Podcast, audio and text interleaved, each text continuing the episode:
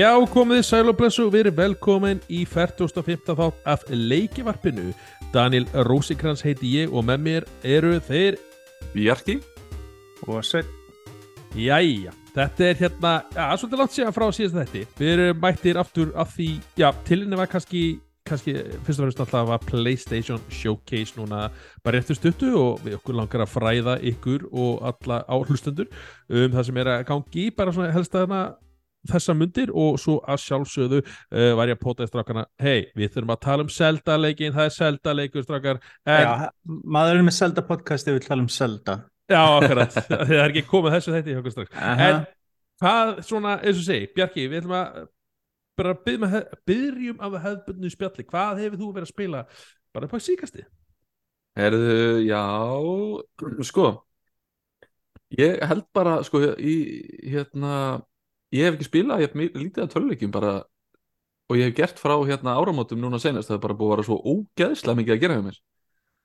En basically er ég bara búin að vera upp á síðkastið að spila uh, Zelda nýja leikinn. Og hérna og þú veist, fyrir utan það, þá er ég eiginlega bara alveg búin að vera að spila töluleiki uh, frá nefndunum mín í sagt, verkefnum. Þannig að ekkert, ekkert svona þú veist ég, ég fór aðeins í Elden Ring en ég fann bara svona, ok, shit, það er svo ógeðslega mikið að gera í vinnunum hjá mér, ég finn bara að þetta er ekki leikur sem ég ætla að spila núna. Það er hann á to-do listanum mínum. Já, en, en hérna, einmitt, um leið og ég var að dott í fríð, þá bara, oh my god, Zelda oh my god, ég er kem og búin að spila hann síðan sko. nákvæmlega. En þú sveit, uh, Já, ég er búin að spila lítinn indie-leik sem heitir Zelda Tears of the Kingdom. Þau eru ekki teirt um hann held ég? Nei það Nei, nei, eru ekki sko hann er svona að fara framjá, framjá hérna leikjaspilurum það er bara Já, já, maður er að reyna að benda fólki á þessu og allt svo leis þú ert alltaf að koma En- einhver svona týnda gullmóla mm Já. Það er ég, það er ég En ég annars er maður búin, búin að vera í bara svona sittlítið að hverju, svona dúlla sig gegn tossalistan og svo leiðis og, og drepa tíman þannig til að já, selda og annað kemur út sko. Nákvæmlega.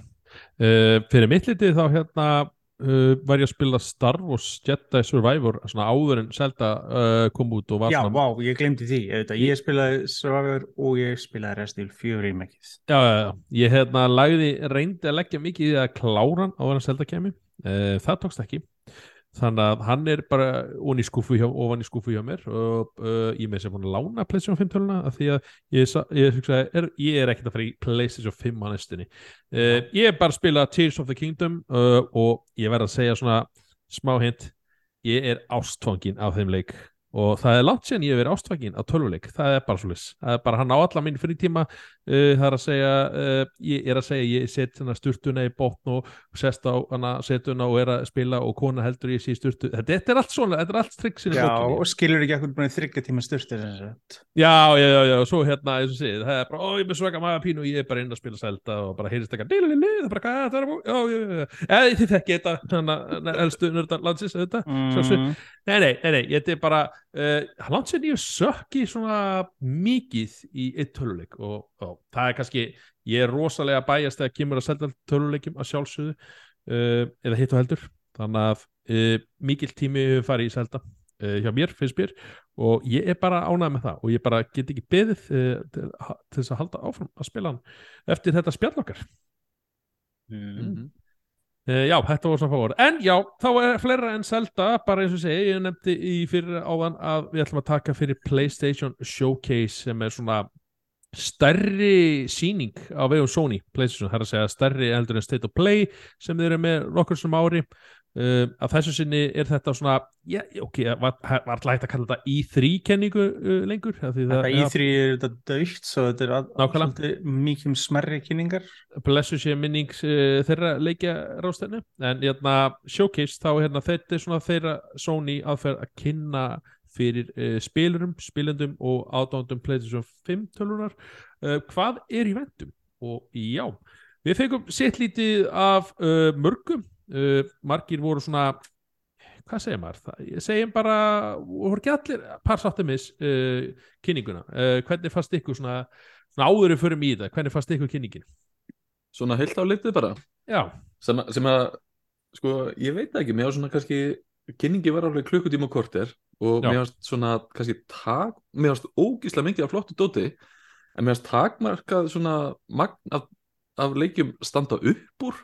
Mm. og mér varst og allt og mikið af einhvern veginn svona eins leikjum. Eða þú veist, ógíslega vel gerðir lítið rosalega vel út en allt bara svona með rosalega svipuðu gameplay sem er bara einhvern veginn svona hasar, skjóta hoppa, viðbrögð.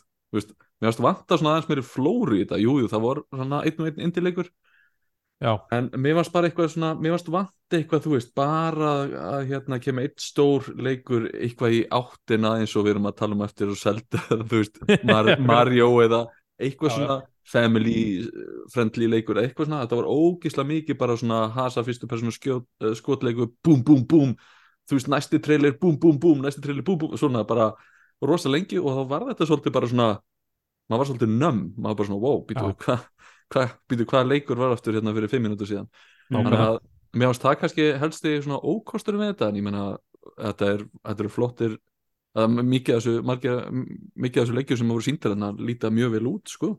Já, það er ekki, þeir eru engi kynni til þess að binda þetta saman, þá er þetta stundum bara, bara einmitt trailer, trailer, trailer. já, þetta verður bara svona YouTube playlisti svolítið sko. Já, ákvæmlega Uh, já, þetta var svolítið svona, eins og segi, fyrstu fimm leikinu voru mitt eitthvað svona fyrstu personu skotleikir, hassar, hoppa og ég var svona bara, jæja, hvenær fáum við eitthvað nýtt? Ég hugsa, eða svona eitthvað annað spennandi?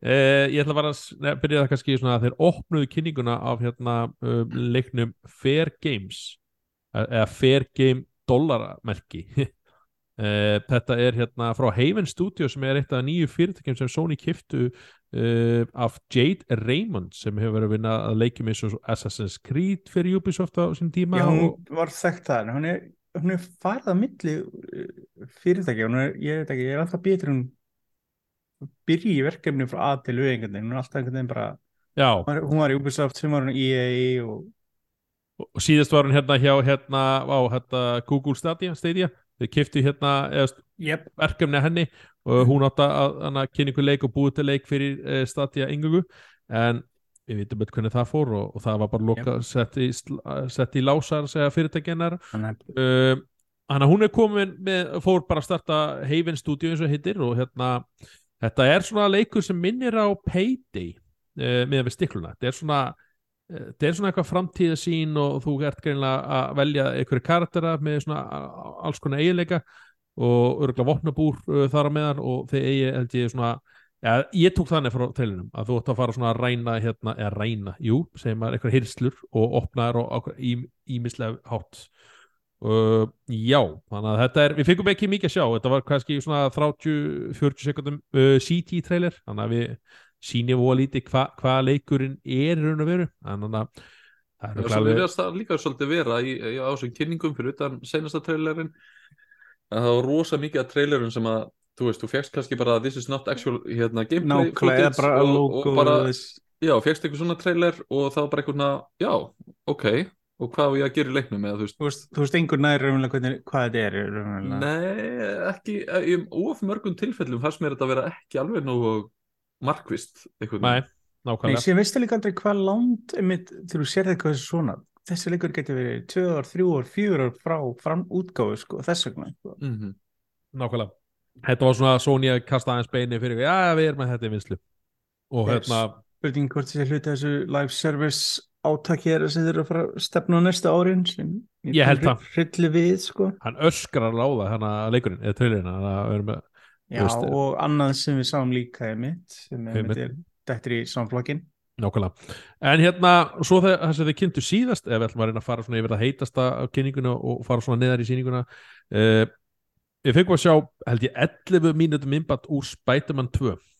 mm Uh, þetta var einn af þeir leikur sem ég sett á checklistan sem ég vildi fara að sjá kynningunni af því hann er væntalur í haust, en þá bara hann dagsinningin er að segja haust hann, 2023. hann verður örgulega 8 nú örgulega sko þessi leikur Já, nákvæmlega, það verður líklegt, sko. fyrir eftir hvenær Call of Duty kemur, þannig að við getum aðeins. Call of Duty er alltaf nómber Já, hann er vel líka verið oktober, þannig að það getur verið svona tvær vikur eftir það. Já, já, Eins og en, þannig. En já, uh, þetta var, segja, þetta var uh, risa biti úr Spider-Man 2 og gerði mig bara sérstaklega mjög hæpaðan fyrir hann af því að ég er mjög mikið látandi en að Spider-Man leikina allavega frá Insomnia Games og sérstaklega Miles Morales og, en vitum en þetta þarna ertu að leika bæði Peter Parker og Miles Morales að Já, og þeir eru búin að að er ekki þannig að þú ert bara að skipta á milli. Spurning hvað segir Nei, sem nei. GTA 5 og hoppar á milli persónuna þegar þú vilt eða hvort að leikurinn sem er vissa púnta sem það gerist. Já, ég hugsa að þetta verður svona sögudrifin þannig að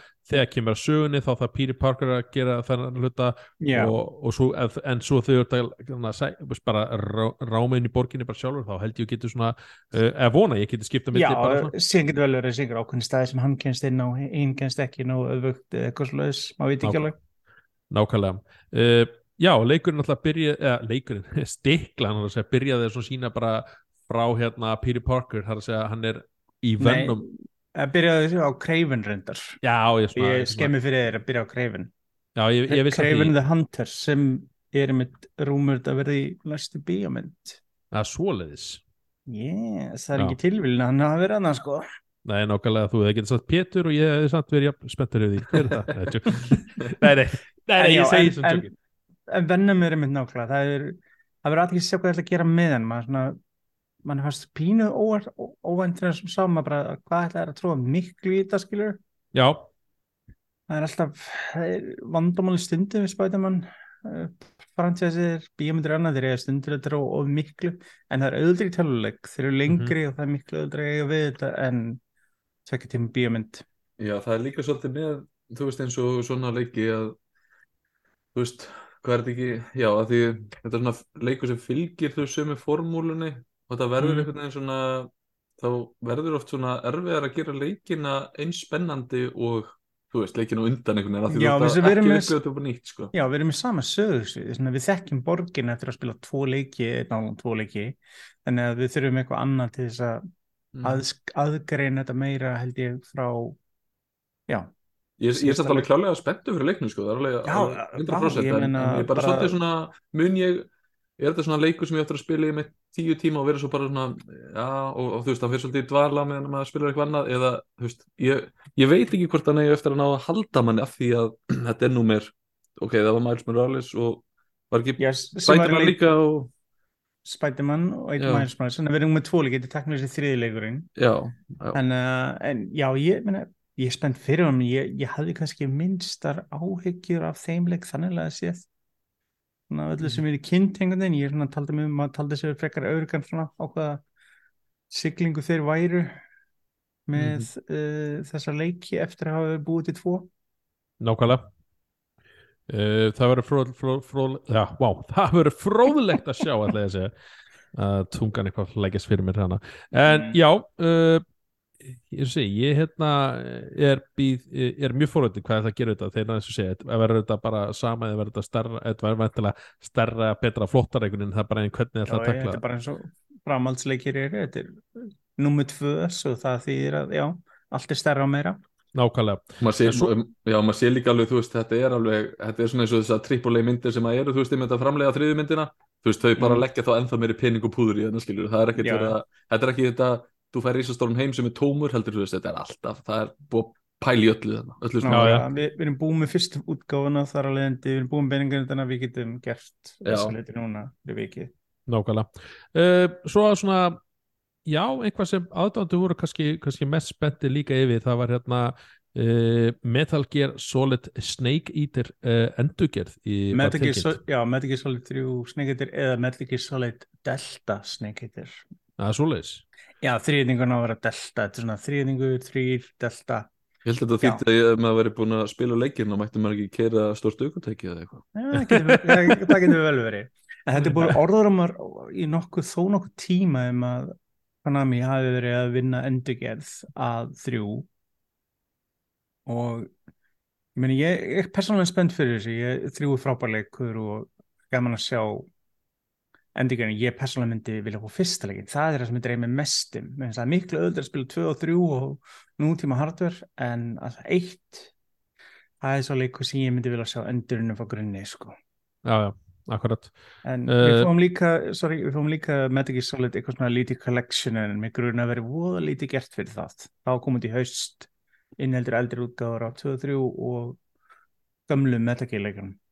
og kannski lætum maður loksins undan og spila þessa Það er Hvernig hérna- var það að taxi taka? Já, Átt þú hana líka eftir? Já, ég, ég veit ekki til Uh, Eða, veist, Ég spilaði um fjögur og ég vil óska að segja portið fjör þess að fjör er fastur á pleysin þrjú sem er grátlegt. Já, mingir rétt. Það er sorglegt að sáleikur er fastur á þeirri vél Nákvæmlega, en svo fyndið þessi trailer hann að byrjaði, ég, alveg, veist, ég var ekki alveg viss hvað var að kynna er fólk er giskandi, er þetta Death Stranding er þetta er þetta já, það, hann öskra Kojima þessi trailer, það er bara þó að, þó að Kojima kemur ekki hérna við gerð þannig leiks en, en já, ef þú ert að endur leik sem hann gerði þá, já, kemur ekki mikið óvart að leikurinn öskri Kojima. Já, jú, alltaf ekki. en þetta skrítið samt þetta vissu liti, en ég held að vera svona skrítnar eða vera að gera nýjan leik versus endurgerð leik, eða vera að gera alveg nýjan meðtökja leik án hans, þá verður það svolítið skrítið Nákvæmlega, það er, ég, ég er að segja það er að segja uh, Konami eru ekkert uh, hrættu við að sópa það þetta búin Nei, sí. Nei, ég meina eins og það verður bara eins og að sjá Konami eru búin að ekki vera að gera mikið síðustu árin, bara Nei. næst í dróðu sér úr bransana en uh, það eru fyrsta stóra verkefni þeirra getum við sagt í ykkur tíma og óskandi þetta gangi Nákvæm- betur þess að það er mikið skemmtilegum IP sér þessi fyrirtæki sem er gaman að sjá lifnaði eftir. Akkurat uh, Svo hérna voru tvö, má segja að séu tvö hardware eða vél, Í- ekki velbúnaða bytt en svona, en, en svona hlutir. Uh, Við fengum að sjá hérna Project Q sem er búin að vera í orðrumur um. Já, bara segja- lengjum Þetta er svona, hvað segir maður, Það er þetta er bara Switch Lite, basically Já, Næstu fyrir- þínum og þú verður að vera heima. Já, Þetta er- er í glorifæður skjár með fjastringu á fastri sko. Þú veist, þetta er raunverulega það sem þetta er. Þetta er bara svo Wii U fyrir ykkar. Bara, Já, bara, akkurat. Já, er Já. ég bara einhvern veginn þegar ég sá sko bara, ok.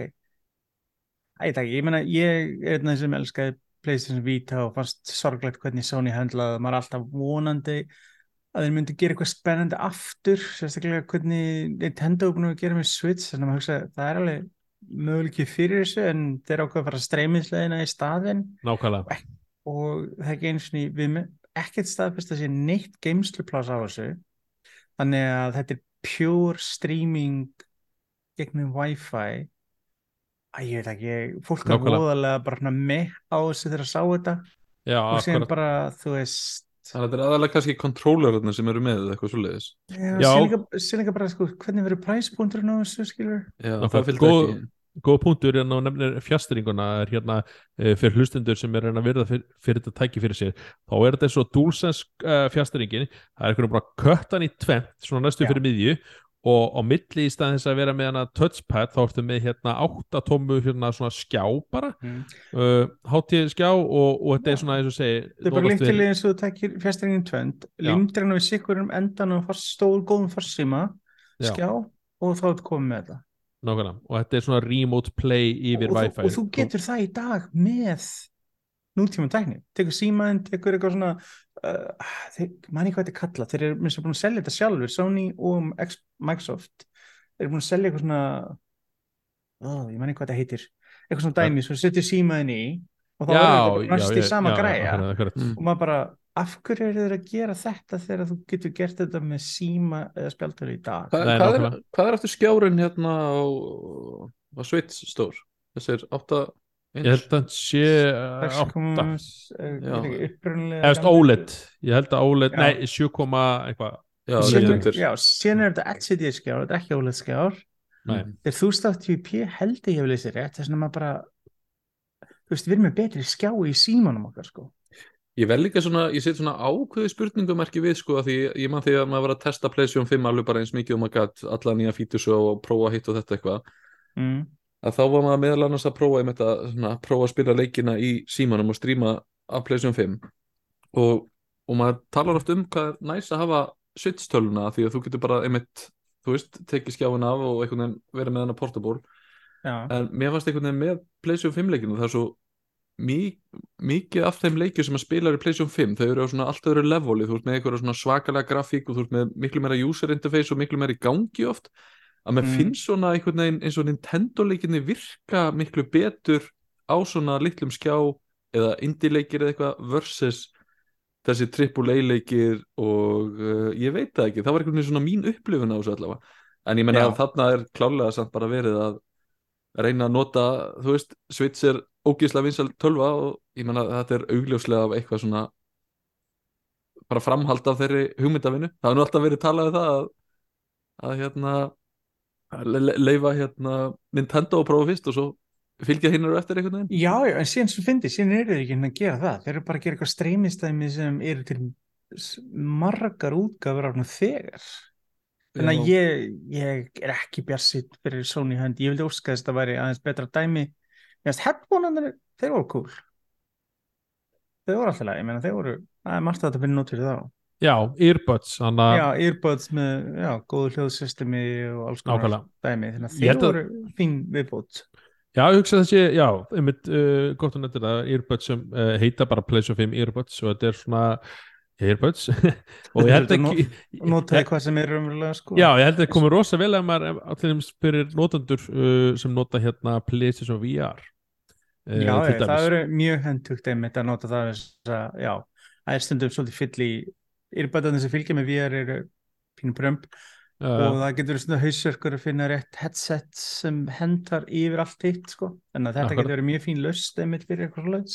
Já, uh, earbuds uh, meika miklu, miklu meira sens heldur en nokkuð tíma þessi hérna Project Q lausn sem hérna, eins og segi, ég veit ekki fyrir hvernig þetta er uh, Það, það er málum, maður veit ekki fyrir hvernig þetta er, sérstaklega þetta er ekki, þetta er ekki, ekki stíð 4G eða 5G eða neitt svona streymi, nei, Sko ef þetta er eitthvað hræ taka- ódýrt sem að ég efast um þetta verði þá finnst mér þetta alveg meika smá sen sko. En kannski, já, þú veist að því að ég, að veist, ég hugsa einmitt fl- flestu skiptin sem að nota þetta er ef ykkur annar að nota sjónvarpið já, já, já, þú veist, fyrir það sem hafa ekki aðgang að öðru samanbyrð skjá Já. það, það eru nót, símaskjári minn er of lítill skiluru, mm -hmm. myndi ég segja Já. Þannig en, en einmitt, ef þetta er eitthvað 20, 30, 40 skall sem að ég ímyndi mér þetta verði, þetta verði meira. yfir 20 ég meina bara fjastering kostar 11 í dag eða ekki uh, 13 Eh, held ég. 13, já. 13, 14, en að ímyndaður þetta er lámark 25 lámark ja, þetta er lágmark 30 örugglega myndi ég næst í segja sko. Mér og vera meira þarna, það sem ég meina þannig að sko. Við það að þú getur keiftir eitthvað svona plaststykki fjastringadæmi fyrir símaðin eða eitthvað annað device með stærri skjá slappa því á streymt jafnvel fyrir, þú veist, hvað er pointið? Jú, þú veist með official PlayStation uh, fjastringu versus eitthvað party. Ég- þeir þurfa að gera eitthvað meira sörfaverna en það finnst mér. Ákvæðlega einmitt. Já, uh, þetta eins og segi, það er ekki dagsinni komið á þessar uh, vörur að Nips. Sé ekki- fyrir, jólin minnst að kosti lámark headsetið Guðmundum Já. hitt. Akkurat, það er akkurat næsta ári allavega eða, eða hérna eða, ne, kannski, nei þeir eru búin að kynna þetta svona langt því segi þetta fara ekki að skreppa þetta núna. Þetta verður fyrir jólin sko. Uh, fyrirleikir uh, Assassin's Creed uh, Mirage var kynntur, er að segja gefin út dagsinning fyrirleikin Já, það er búið leikur sem búin að vera nokkuð tími vinslu búin að brestast aðeins. Akkurat. Og er þetta ekki bara eini Ubisoft leikurinn sem kemur út í ár? Nei, Já, mætti halda. Ubisoft er búið að vera skríti fyrirbæri. Með hvað mikið leikinn þeir hafa gefið út gegn tína það er bara eins og bara allt henni bara stoppiði bara og bara að gefa út leik síðan sko en þetta verður fyrsti stóri leikurinn þeirra núna í vettur í oktober já. Og hvað er á þessu að gerast? uh, í Bagdad, Írak á nýjundu Mm. öldinni ef maður rétt. Já. Þannig að það verður eitthvað spennandi að sjá sko, þetta er svona afturkvör til eldri leikja. Ég er mest fornastur hver mikið afturkvör, ég er mest rættastur við þarna ég bara vona að þeir haldi gameplayinu úr nýri leikjunum ég er alveg ok, það er einfalda sumt þarna eins og stealth-dótið og assassination, það er fínt en ég bara vill Mhm. ekki fara tilbaka gamla barndasystemi, ég þoldi það ekki en að en ég Hva, hvað fannst þér að því? að ég, þú veist, þetta var brandarinn sko, þú reðst á, þeir reðst á þetta var svona skiptast á sko, sem var sexkörri kringu þig og stóðu og sem var alltaf stíft, alveg svo varst að klira upp byggingar og svo, Mm. það var eitthvað svo asnal hvernig það virkaði sinni parkori að þú átt til að hoppa aftur fyrir fram á byggingu og drepast eða vant þetta flæði sem kom sem er núna í leikjónum Mm. og það er rosalega erfitt að fara tilbaka. Þú spilaði síðustu þrjá saskriðleiki og fer tilbaka og spila gömlu. Það er strempið þannig að ég, ég ég, ég, vil fá, okkurna nýjungar en ég er alveg til að gameplay kannski, sérstaklega þurfa að tala með að verða með 200 sasslega leikjanum sem verði, einn verði meiri með roleplay elementunum og einn verði meira svona old school. En svo lengi sem að undirliggjandi gameplay er eins þá er ég fýtt með það sko. Mhm. en hei, Svo- Assassin's Creed leikur bara, já. Sáttum við það. Uh, Já, uh, fleiri leikir uh, Alan Wake 2, hann er að koma í oktober, það er að segja 17. oktober gefin út af Epic Games sem er ógeðslega skítið að sjá. uh, gefin út af þeim. Já, þeir eru Já, með Já, með Microsoft gátt fyrsta leikin þá var þetta mjög spes. Já, já. Hven, Hvenær var hann kynntur? Var hann ekki kynntur á PlayStation Showcase í fyrra eða eitthvað? Fyrst. Minnir einmitt að Alla- hafa allavega svolítið síðan sko. Hann var fyrir árið síðan held langar maður að segja. Og með minnir að hann hafi verið kynntur á PlayStation kynningunni frekar en Xbox. Ég er svona, eins og segi að því að eins og, eins og Sveit sagði þá var hann, að- hann fyrstur uh, kynntur á, eða fyrstileikurinn kom engur út á Xbox og já, hann var hluti Eh, af Microsoft uh, samstarfi við. Remedy einmitt. en, en, en hann er þetta komin á PlayStation 5 líka núna já, já, þannig að þegar hann var remaster þá varum við komin Já. út á allt saman. En upprænlega kom bara út á Xbox 360 og síðar PC akkurat uh, og þetta var alveg spooky trailer sko. Þetta var alveg svona já, fyrstileikurinn var mjög góður sko og ég er mjög spennt fyrir þessu áttan eftir. Ha, frábær svona uh, Twin Peaks og Stephen King vibe í honum. Ég, ég var líka eftir sko. Ég held að ég og Daniel ættum að lega sumabústa saman ok. og taka tölvöldna með sko. Ég meina, ekki, slæ, ekki slæmt að geta upplifin fyrsta skipti í remaster útgáfinni sem er fín útgáfa með DLC-inu og þá er þið fínir fyrir aðna, uh, nýja, ég minn lang- langar einmitt að uh, spila í gegnum hann aftur uh, aðtíksett við alveg tvö er að þeir eru búin að segja að hann verið ekki gefin út á physical á þrjáld endak já, alveg rétt. já, það er er málið alltaf að hérna, gerast. uh, þeir segja þess að vera hann lægri, lægri. Samt er búið að bjóðast þess að gefa hann út á disk og allt saman, en já en bjóðast til þess? Já, THQ sem gá út alveg upprænlega á disk fyrir hvort það remasterið og PC-útgóðna eitthvað fleira. Það bestu þess að sendu þeim bara tweet heita, við getum að gera þetta, við gerum síðasta. Já, Æ, það er bara þetta, þú veist, þetta er eitthvað Eiginlega- taka kostna niður þar og gera það. Æ, þetta er bara, þú veist, verður notað sem ástæðina að, að leikurinn sé aðeins ódýrari. Eh, Já, staðinn ég- fyrir- hversu mikið ódýrari var að Já, sett það? ég, hann er 50 pund standardútgáðan í staðan fyrir hvað er það komið upp í, í dag? 60 60, 70 pluss að fyrir þetta hvað, hvernig leikurinn er. Mhm. já, en já. alveg ágætis svona, ekkert brjálað en samt alveg eitthvað. Mm, en, en það er næs að vera til áþrjum ein, útgáfa einhvers konar fyrir fólk sem vill að ég þú minnst ekki ef þú dýrar útgáfuna áþrjumlega Þetta er svona eins og maður sér stundum- þetta er svona eins og maður sé stundum á hérna þegar maður er, er að kaupa eitthvað svona fræðibækur og það er kannski prentað x mörg hundruð eintök af henni selda á, þú veist, 8 áskall stykkið eða eitthvað. Svo þegar Mm. búið, þá stundum valmöguleiki sem er takki að láta sér prenta og þá getur eintæki kostað, þú veist, 150 skall eða eitthvað, já ok. senda eitt verkefni í síðan er þetta líka bara búið svona. síðan þetta líka bara búið game preservation. Ef það er ekki neitt áþrjum eintaka sem þetta er leik þá er þetta treysta hans engsta til stafræn Já, við erum samt einhvern veginn, þú veist, eins og með bara þetta eld, umræðan- eldgömlu leikina, það er bara það virðist þetta þú veist, það eru bara vandraði yfir höfuð að spila gamla leiki, sko. Þetta er, Já, já, en, en bara eins og sögn og fleira tala mikið um þetta pre- preservation dot að það sé til hluti. Ég alveg og fleira. 100% þetta, þetta spilar inn í þessa umræði þegar allt innum er hægt að gefa út hluti áþreifanlega hvernig ætlar að varfa þetta á já, Já, það er auðvitað í dag er uh, mikið varveitt stafrænt, bara beint stafrænt en ég, einmitt, Já, en það eru svolítið flóknari, sko. Já, eins og með bíómyndur jú þeir eru varveitt að starfa en það er líka vanlega var, var, varveitt áþreifanlega eintaka filmunni og fleira þannig að þú veist út með bæði og þarlendi þetta, þú veist mm miklu auðvöldra en já, en alveg lukka vel. Fyndið þess að Sam Lake hjá Remedy sem gamla andlitið Max Payne sem einn, einn af löggunum í leiknum já. hann, var, hann var með mitt FBI konunni en það tala um öðru tveir svona karakterar Já, Já, já, já. það verður tveir karakterir einmitt. já, en hann lukka vel og ég meina Control var mjög skemmtur leikur og ég er spenntur að sjá hvað Remedy gera sko, hann Ég myndi líka að segja að Alan Wake 2 hafi verið einn af eftirminnilegum trailerum af Já, sýningu. hann, Já. mér finnst hann lukka vel, leit til út, flott vibe, ég bara sign me up sko, ég ætla að spila hann þegar hann kemur út sko, ekki spurning. Svo hérna Final Fantasy 16 16 sem Eh, kemur út núna í sumar. Já, þetta var bara, ég er ekki bara komið næsta manni? Jú, Jú. 22. júni Jú, hann er bara rétt að bresta og þeir, ég bjóst reynda við um til tilkynna demo, það var rúmur um að demoðin er bara fara að fara að koma út. Já, það er koma demo sem á leiðin í leikin mm. og ég, ég bjóst enginn við um til að droppa því á sama tíma og segja bara, hei, demoði komið, þú getur spilað þannig til leikum kemur út og bla bla.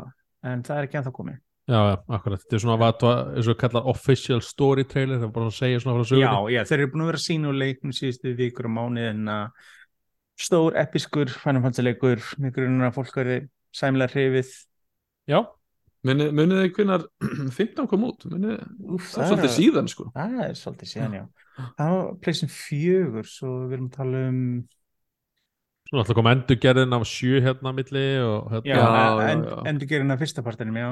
Já, fyrsta partin á þreymur og svo, Já, svo er þetta 14 online svona búið að lifa góðu lífi Já, Já, já, hann er búin að vera að vaksa. Uh, Nóvembur 2016. Já, kom, Já, vá. Uh, að það er svona langt síðan einmitt. mér, yes, ég meina mér 2000 fannst hann alveg æðisleg sko. ég Já, já. Fantasy nörd sko. og 2016 hérna- skal að vera. en ég horfði á þennan trailer og ég var ekkert eitthvað er, spenntur sko. já, þetta er en, svona meiri medieval og svona old school Já, já. en ég er ekki, ég langar að testa. Já, klálega, klálega. Svona, svona Game of Thrones svona væp í, í svona trillunum Já, það er ekkert ólíklegt að þeir eru undir einhverjum áhrifum en þessi leikir mörg ári vinslu. Já, akkurat. Það hefur svona verið svona kannski dra, En- draga af launum, það er sögutreinu En, en ekki slæmt að fá svona stóruna bitstæðan leiki í suma tíman og það er ekki mikil útgáfa á næstinni en uh, Alls ekki. 20. annar júni já, við, við ættum að fá, við fá demóður klæðing tíman vonandi fljótlega í byrjun í júni myndi ég halda Akkurat. Uh, Dragon's Dogma 2 uh, ó já takk, já takk, trailer já, fyrir takk, já, takk. Ég, það er búið Hann- orður um um hennar leik svo lengi að veist, ég er búin að standast freystingan ofta að senda kunningi okkar í Japan skilabóð og segja bara hvað segir please þeim eru að gera hennar leik. Akkurat. En Dragonsdagma er svona kallleikur sem hefur unnið á síðst árin og Já, er frábær og ég hef, hef keft hann á ótal plattformsögnar sem hefist hann aðeinslegur og það er rosalega jákvæmt að sjá Capcom gera nýjan leik serið. já, Ég veist ekki við um að gera það. Nei, þeir voru búin að voru, var þetta fyrsta tilkynning eða, ná, þeir voru búin að, eða þú voru búin að segja Það, það voru búin að en það var ekkert staðfest. Það voru búin að vera miklu orðrómar í nokkra mánuði að það væri að vinna Dragonsdagma 2 en Capcom voru aldrei búin að staðfesta eitt eða neitt. ekki neitt logo eða neitt. Neps, þannig að þetta var fyrsta og sem fengum að sjá með þess að gameplay og allt saman en að það keiri á uh, Resident Evil Engine þeir staðfesta það, það komu upplýsingar um eftir á. Já, já en, akkurat. að, og já, þetta byggir á fyrsta leiknum með peðin og allt saman. Þetta er nutsleikir og endilega fólk geta ekki verið að kíkja og dragast ákoma fyrsta leikinn, það er auðvöld að peka hann upp í dag á PlayStation 5 eða 4 eða hvað sem er, ég held með þess að Switch, jú en til Switch líka. Já, ég gerði mistök að spila hann á Switch spila hann á Switch ég myndi ekki endilega að spila á Switch en, en hann til ástæður á PC líka og skemmtilega leikur sem er að peka við lítið pening. Og ég er spenntið fyrir framhaldinu. Akkurat. Uh, Bungie uh, kynntu New Marathon eða þess að Ég- nýja já, marathonleik. og, og margir voru bara "Hvað- er marathon? Er það nýtt IP? Ég er svo gaman, ég vissi hvað marathon var. Já, ég held þetta að vera nýtt dót sko. Ég, kannast ekki við gamla dóti Mér varst trailerið mjög cool og svona flott vibe í þessu þó þetta sé bara og alltaf leiðis uh, Eina þessum svona pínu skemmt þetta fyrir mér á vissan hátt Bund, gameplay í bandilegum er alltaf mjög gott. Að tala um þetta að vera extraction shooter. Þetta er bara online leikur. Þetta er ekkert single player þannig að þetta er online extraction shooter. Já, það er. En uh, já Í, í er sportefni eitthvað svo leiðis, þetta er hluti af þessu Games as a Service ástæðan fyrir að Sony kefti Bungie. Fyndið að Bungie núna er búin að vera í Sony og Microsoft. Já, vanda bara, vanda bara Nintendo til að klára þrenninguna. Nákvæmlega. En já, en guðmáttu hvað þessi leikur er langt í burtu en, en þetta er online only leikur. Marathon er fyrsti leikurinn sem Bungie byggur til fyrir ótal árum síðan Já, þeir voru ní, ní, 92 Mac-developer. Já, Já. þeir voru maktölver, þeir gerir marathon, þeir gerir myth, ah, myth var aðeinslegur nema myth tvöðan, eða hardadreifið þetta og passaði ekki. Og glitch í fyrsta útgáðan leiknum sem gerði annarstað leikinn þá annarstaðlegur allt á talvunni Já, það var, það var mjög dýrt recall fyrir það eh, fyrir útgefndan en já, en þetta er einna segja, gaman að segja það endur ekki að gamalt IP, þetta leitur óslega vel út. Ég fór þannig að sjá þetta Ég vil var alveg geggjuð sko í, í Já, þessum trailer. Það mér var finnst alveg- væpið og litirnir alltaf svona flott, Já. ég bara ég veit ekki, ég, ég er forrutinn ég ætla að fylgjast með þessu. Já. Mhm. það er og síðan fengum við sem meira af Destiny 2 bla bla, DLC, já, já, já, já ég er ekki ég er lengur búin að tjekka mút þar. Nei, ég veit, ég veit. Uh, Street Fighter 6 er að koma út uh, bara í bara næstu viku eða og svo. Já, næstunni allavega Mm. uh, er hann ekki í júni Já, margar með dagsetninguna. Er ekki annar júni eða eitthvað hérna uh, eh, ég man ekki nákvæmlega hvað hann kemur. Allavega hann er að koma bara í byrjun júni uh, veit ég. Uh, þetta er svona sumarleikur og, og bara frábært fyrir slagsmála áhuga áhuga spilara. Uh, þetta er hérna, við erum að fá hérna bæði Street Fighter 6 á þessu ári svo erum við að fá hérna Mortal Kombat 1 uh, sinni september Já, eitt, Eh, það er best fyrir andan eitt, já, akkurat, byrjum bara bara nýtt. 1, já, akkurat. Ekki Mortal Kombat heldur Mortal Kombat eitt. Já, já, já, Það er held ég Nákvæmlega. taklega sem búin að rýbúta Mortal Kombat nafninu ofta en einu slott en tvisar já, já, akkurat. Maður er búin að, veist akkurat, Það er líka svona nöðsilegt fyrir svona rísa serjur með þér En samt ég meina Street Fighter kann að telja. Það er bara 1, 2, 3, 4 Reynda kunnið ekki að telja hvað var það Street Fighter 2 mm, sem að komu hérna skona 20 útgáfur af eða eitthvað líka Jep, það, þeir Það væga getur verið 2 og sagt 3 þeir væga sagt mjölkuðu það var svona einn af fyrstu svona vinsalu uh, svona fætingleikjunum til að keppa í alveg var keppt í mjög lengi og örgulega keppt í ennþá sko. ba, ba, ba.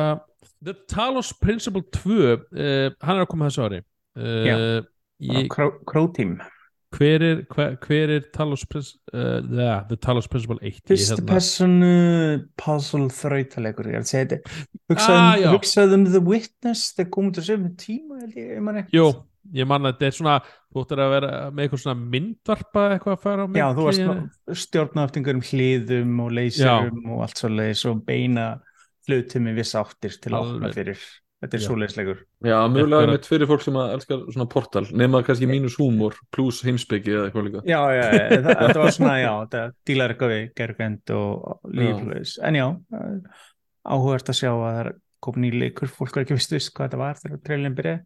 Nei, nákvæmlega, þetta en leit vel út svona, og svo bara, Já. já, já og svo Talos Principle hvað er eftir það, ég, ég kannast svo við nafnið það ég man eftir, þetta er bara svona þrautaleikur einmitt, mm uh, í anda vitnes og, og já uh, svo kemur hérna Splatoon hérna klónið. Á Já, Overwatch og Splatoon eignust batn og það var Foamstars eða já, e, já, ég, veit, ég veit ekki með þetta nafn já, fómstars ég bara, maður bara sá að þetta byrja eitthvað voða svona alvarlega eitthvað trailer en svo bara Já, hey, fólk að þetta skjó- Final Fantasy þang til þess að karakterina og allt í einu bara, ó, þetta já, Ég meina það-.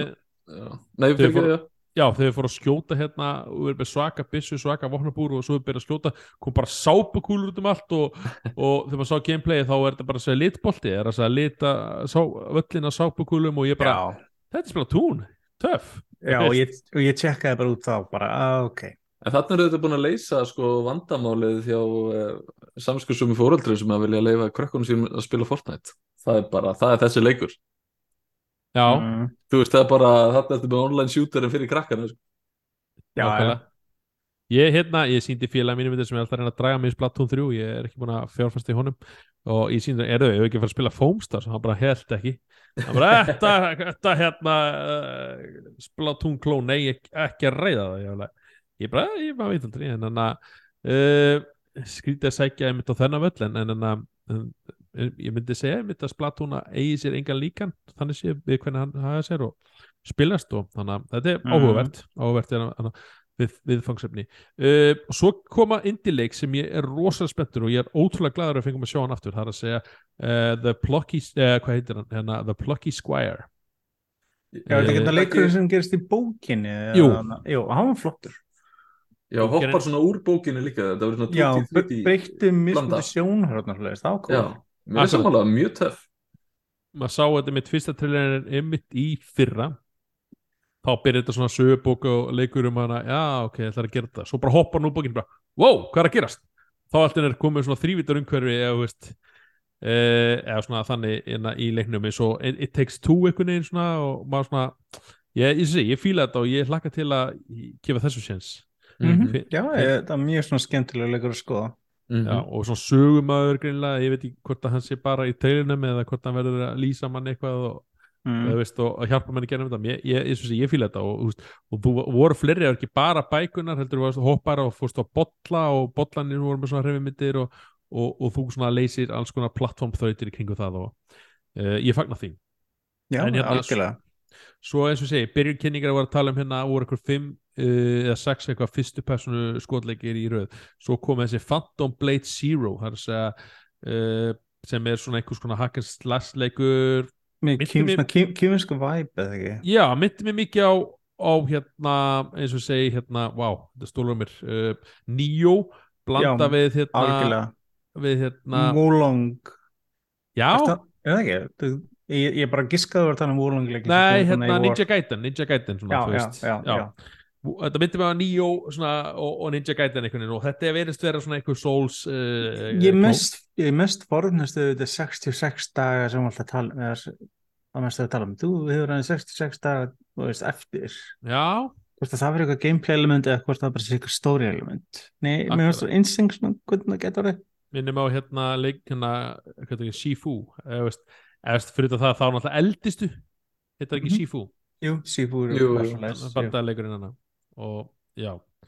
Uh, babaraba babaraba já og það voru fleiri framhöld í, í, í þar að segja í showcase-inu og þá fengum við að sjá úr leiknum Helldivers 2 uh, ég þekki ekki til þessa serju ef serju skal kalla. Uh, Þetta er leikur sem kom út á Playstation 3 og Vita.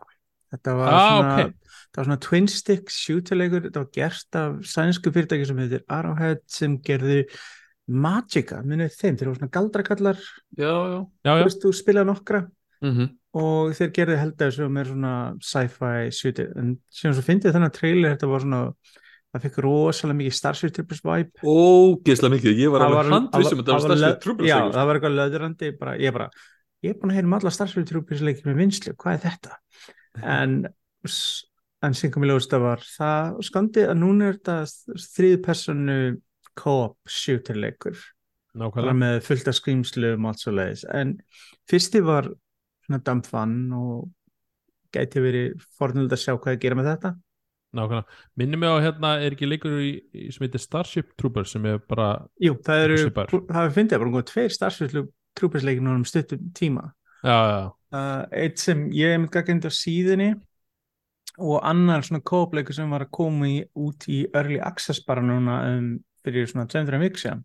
Já, ok. Og, og veist að vera þokkla góður sko, þannig að það er svolítið skondið er allt í einu bara já, Starship Troopers stöf bara í vinslu og þeir klálega voru undir talsverðum áhrif, það fór ekki milli máli að þeir voru að svona, stilla inn á þann húmor, getur við sagt.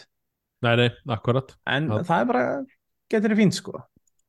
Svo að leikja framlöndunum sem hafa að vera uh, að þetta búa til, mér langar að segja Journey og þeir leiki eða Giant Squid. Já, þetta er, þetta er blanda örgulega þessi byggjandi Journey og byggjandi Apsu og Þetta er akkurat, já, já. mixtur af þessum tveim, en það fyrst þegar ég sá sandin ég bara, wow, þetta er Journey, þetta er framhald ég bara, er þeir að koma nýjan Journey, ég bara, já takk. Einmitt þarna eru við komin í svona leik sem að einmitt mér finnst gott að henda þarna inn á milli sem er bara eitthvað svona allt annað og, Og einmitt svo eitthvað svaka hár svona artistic uh, svona visual standard bara eitthvað. Sá bara leikur stendur er upp- virkilega út. Einn af mínum uppáhaldsleikjum allra tíma, Journey. Ég elska þann leik. Hann er mjög góður saman á stórfenglegu leikur, einhvern veginn bara sem, já Þannig er maður eh, á okkur svifbretti eða eitthvað að já, það var nefnilega áfram eins og um einhvern veginn eðimörku eða eitthvað Já, Var það- sverð eitthvað, Sword of the Sea heitir hana titillin eða Já, leikurinn. Það var þetta svart Já. sem að stóða á þá? Já, ég held það. Já, já, getur, já.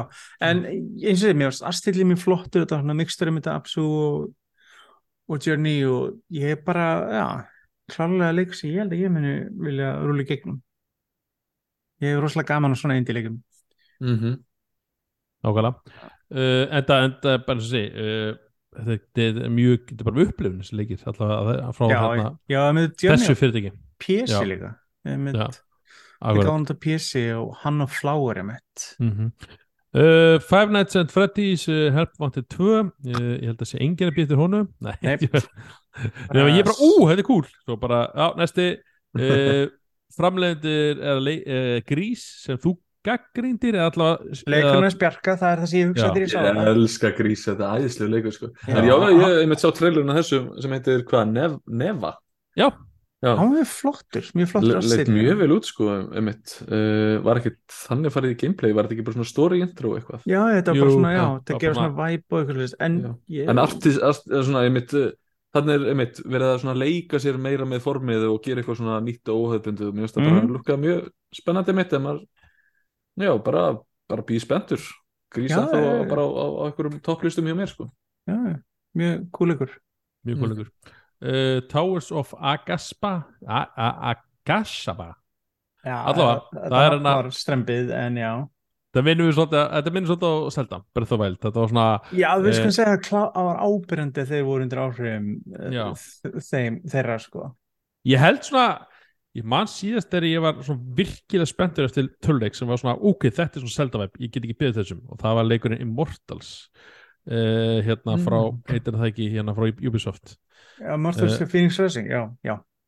Já, já, já, já, Hann var eins og ég var klálega að Saskrit mætir Já, ég var, ég var rosa spennt fyrir hann en, en hann var svo, samt svona, hann var ekki eins svona, að ég veit ekki, hafði meira væntinga ég var svona, Mm. Hann er byrjaði lífsins spin-off af DLC fyrir Saskrit já, En ég, er ekki, ég spilaði hann í gegn og það gaf hann þú veist, fyrir það sem hann var sko. Já, já. Uh, ég hafði, eins og ég, hafði fín uh, gaman á hann líka og hana, en það var svona, eins og sé, ég hefði viljað hann taka kannski þessu öðruna level, þess vegna er ég þegar ég sé svona eftir svona Zelda-klón bara, eh, svona, ok, ég legg til að sjá hvað þetta kemur út og, og vonandi bara Ég- heppist til. Ég myndi vilja sjá þann leikann fá framald þegar þið væri ekki lengur að vinna út frá einhverjum hugmyndum á DLC heldur bara að væri að búa til leik af grunni. mm Það getur gaman að sjá þeirra svona take á þessa formúlu sem er, Algjörlega. byrjað, sem, sem er byrjað að koma núna veist, í Já. aðra leiki. en með við hvernig Ubisoft hefur verið að sér þá hérna, er ég ekki vissu Nákvæmlega, Akkurat. sín- kemur það vandamál. Uh, svo var, eins og segja, voru kynntir einhverjir hana, PlayStation VR 2 titlar alveg held ég 5 uh, stykki. Já, það var alltaf spurningin, hvað mynd Sony gera? Munið þeir enn einu sinni gefa út hlut og lega hún að deyja eða munið þeir ekki supportan? uh, eitt af því var hérna náttúrulega Resident Evil 4 VR mót Já, sem voru með staðfist áður en síndi í fyrsta skipti, leitur hún svolítið vel út en það er VR í Resident Evil 8 er Freaky SF sko. Það er svo leis Já, það er ógslætti störping að spila en á góðan hátt. Já, og ég er svolítið forðan að sjá ég bara vona að þið leiðum manni þá að fá trófís að spila þetta. Og svolítið svekkjandi þú varst að spila í gegnum Resident Evil Village að þú fjöxt ekkert fyrir það annað en bara hræðsluna að spila hann. Já, já, já, já, já. En já, en þetta lukkaði vel. Guðmátt hvernig það kemur út? Seint, seint árunni eða næsta. Já. En já en svo náttúrulega Be- Beat Saber.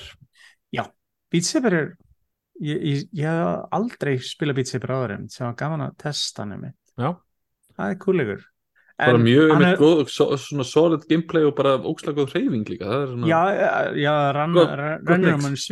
manni að svitin að tressilega en hann uh, en skondi, þetta er leikur sem er til á öllu VR, til á PlayStation VR mér finnst þetta jákvætt að þeirra uh, ef þú hafður keft leikin á PlayStation VR 1 þá fegstu leikin frítt og DLC líka sem Já. þú hafði keft en þú varst ekki að borga neitt fyrir uppfærslan yfir sem var svolítið næst, það er ekki endur alltaf sjálfsagt að svo sé Mhm. En, uh, en ég menna hei, það, þetta er góðu leikur, það hefur verið, það frábært ef hann hefði að koma út með vélni eða með headsetinu, þetta er perfekt svona VR söluleikur um, akkurat Mhm. En já, já. En það er gott að hann komin út svo kallar pínum- killer app eins og alltaf að tala um Eh, þetta al, algjörlega, algjörlega. Það fyndið að st- stæðustu killerappin við lons voru Gran Turismo og Resident Evil 8 sem voru bæði, þú veist, ekki það sem hugsaður um fyrst með VR en voru frábærar VR einslur Mhm. nákvæmlega. Uh, svo hérna já, þetta var bara helsta sem var, við erum búin að telja ræðum alltaf helsta sem hann Já, og, og getum kannski sagt uh, Gran Turismo bíómyndin. Já það, það var svona pissu það það, er að koma, það er að koma Gran Turismo bíómynd sem er mjög spes með Orlando Bloom og ég man ekki hver fleiri og einhver aðrir. Uh, Mér finnst það skandast að- að leikstyrunum þessari mynd Já, David Harbour, það er hinleikarinn sem voru Things. Já. uh, le Leikstyrunum þessari mynd er Neil Blomkamp gæðin sem gerir District 9 og Elysium. Ég er líka bara, what? Er hann að gera Þetta, þetta er líka svo hérna fotorealistik leikir að ég þurfti stundum að hugsa bara já, býtur það að fá fræga leikara til að leika í auðlýsingunum fyrir? Já, og svo held ég að væri að fyrst- sína úr leiknum skilur Já, bara vá hvað þetta er orðið og síðan á þetta að vera eitthvað, þú veist, það eru búin að vera síðust árin með eitthvað svona eh, fólk sem er spila grandur með leikina að segja að keppa einhverjum mótum og eigi mögulegan að keppa í alvöru á einhverjum bílum og síðan hefur eitthvað gerst og byggja einhverju svo leiðis ég veit ekkert hvort sem myndi að þetta að floppa feitt eða ekki en það er skand að sjá þetta. Já, en já, svo, svo líka hérna, ég veit ekki hvort þið spiluðu hérna Night in the Woods. Spiluðu hann Eh, hef ekki svörtu kísunni, heyrt Nei. um hann, heyrt bara Mm. góð hluti. Hann er mjög góður einmitt. ný leikur frá sama developerin já, Revenant Hill. En Já. þú veist, ég meit ekkert mikið sagt um hann en bara áhugavert að því Já. hinn leikur var mjög skemmtilegur. Já, Já, er þetta ekki frá sömu framlöndum? Jú, svona rólegur indileikur sem er úslega mikið að spjalla bara og svona eitthvað. Já, sem voru nokkur þetta svona JRPG leikir og fleira Mhm. og... held að við séum samt einmitt búin að fara yfir það stærsta sko. Já, Já, það Þessa er kynningu, algjörlega Þú getur uh, talað um litla leikin hinn hann það ég er búin að býða eftir þessu Mhm, mhm. Hvað er Já, búin að já, já. spila Loksins komið að þessu litla indileikin, selda en, en svona áður við, svona eins og segi hérna, bara segja frá mitt leiti á sjókísnu eða kannski vond að spyrja svona í upphafi þáttar, já, hvernig fannst ekki kynningunni kynningi, en Ef hérna Þú ættir að gefa henni engun um 1 til 10 komdu ég með. var, ég var einmitt svona, þetta var svona á Twitter kemur alltaf kýr svona er þetta A, B, C eða D kynning? Og ég var svona, svona B. En svo meira þegar ég fór að hugsa um kynninguna þá var hún svona, var svo C. Þetta var hérna, það var mikið kistla, það voru hvað þessi 32 eða 35 leikir kynntir á hvað, 56 mínútum cirka Já, já, já, já, akkurat. Þannig að þetta var mikið kistla og, og maður mað sá, þú veist eh, og sé, margir af þeim er bara veist, þeir koma á næsta ári eða þetta er Já, og síðan líka bara hver mikið þessi raunverulega exclusive. Það er nefnilega málið, það eru með brandarinn sem Xbox kom með á Twitter eftir að sýningja búin þegar þið postuðu þarna mynd af þarna öllum leikjónum sem voru kynntir sem eru líka að koma út á Xbox akkurat. Ég myndi það- líka einhvern veginn vilja að það væri bara frekar tvískipt, það væri þú veist bara helmingur af þessu leikjum núna og það væri þú veist einhver frá hérna leikjafyrirtækinu og segja bara um leikin eina, tvei mínútur og þetta væri aðeins meira sínt og hafa færri leiki. Þú veist, þetta Já. var svo mikið kyrsla, þetta var svo mikið ruggla þú veist, ekki Já, það þessi- leikirnir hafa verið endilega glataðir en einhvern veginn uppsetningin. og sér að 12 af þessu leikjum sem voru kynntir eru allir að koma út á Xbox og PC akkurat, að, en eitt leikur sem við glemdum að nefna, ég ætla bara örstuð sér, Teardown, hann er að koma, indie-leikurinn er að koma út á PlayStation Xbox. Það var ótrúlega cool leikur á PC. Gerður það einum gaur, einum til þeim gaurum, já, frá Svíþjóð.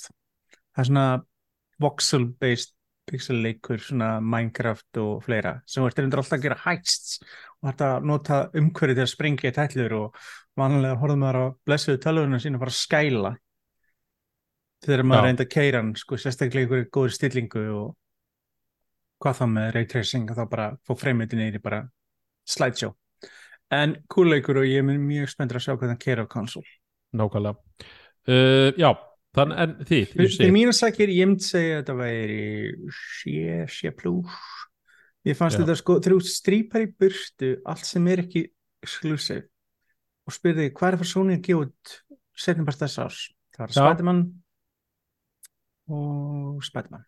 Akkurat. Ég var hugsað þetta hvað það þegar farin er, og segir, það er kannski greinlega ekki nó, nógu mikið tilbúið til að sína eða hvort þeir séu að fara og segja ennþá díla við þetta COVID áhrif á vissu leiti já, og síðan er ég, ég pínur hrættur við þessa sveiflu sem Sony allar sér með live service leiki. Ég verða við ekki að ég er ekki brjálaðislega spenntur. Ef þeir ætla að halda hvað tala um 55-60% budgetin eða þeir eru að fara live service leiki í framtíðin, ég maður bara, nei takk. Nei, akkurat. Það er, það er hérna, verður frólægt að sjá. Uh, og hvenær er bakk úr því? Hvað sjá, ok, þetta er ég, ekki þeir átt að segja á að hvað hva margir live service leikir hafa sprungið í tætlur Avengers til dæmis, gott frábært dæmi. Stórfenglegt og dýrt klúður þar. Já, akkurat.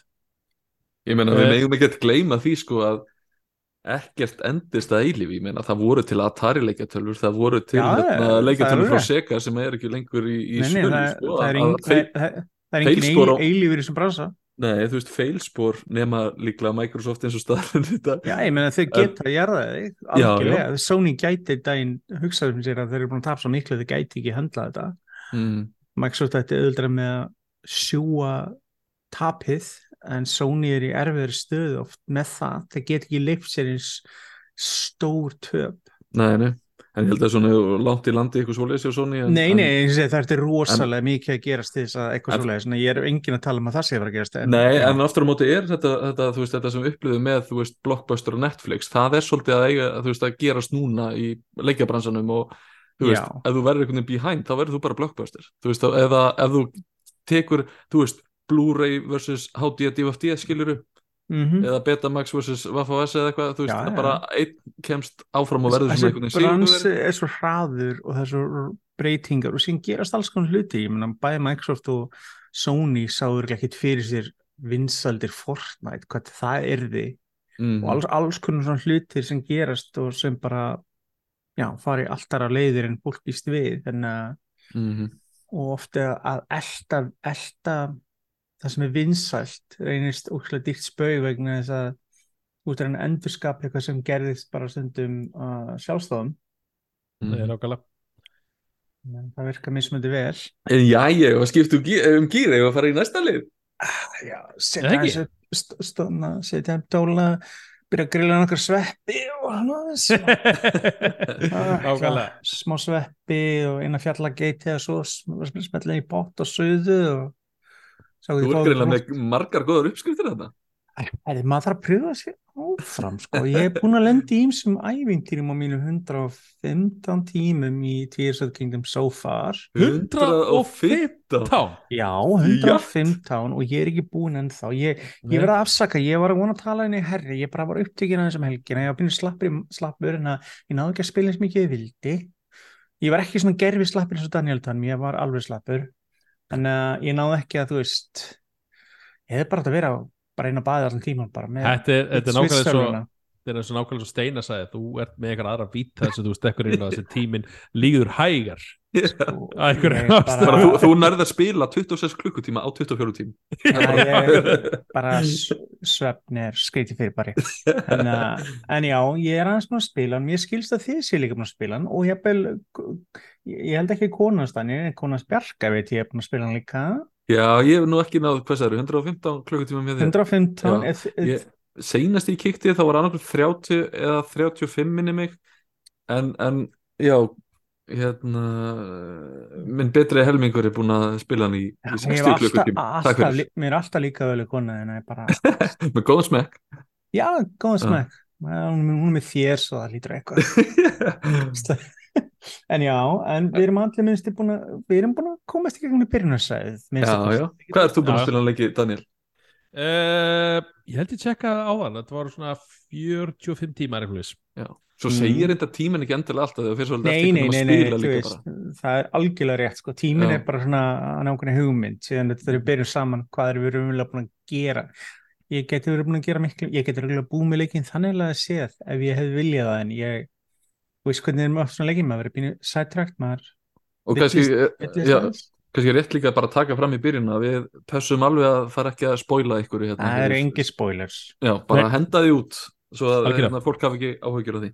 Já, okay, Þetta er svona, já Þetta er, uh, hann kom út hérna 12. mæ síðslinn mhm, Hann segði að The Legend of Zelda Tears of the Kingdom sem ég myndi lýsa að væri er- bara hérna beint Breath framald, Já, beint, framald af Breath of the Wild. Sem kom út fyrir ófámanum síðan, Það er ekki sjö ára með eitthvað?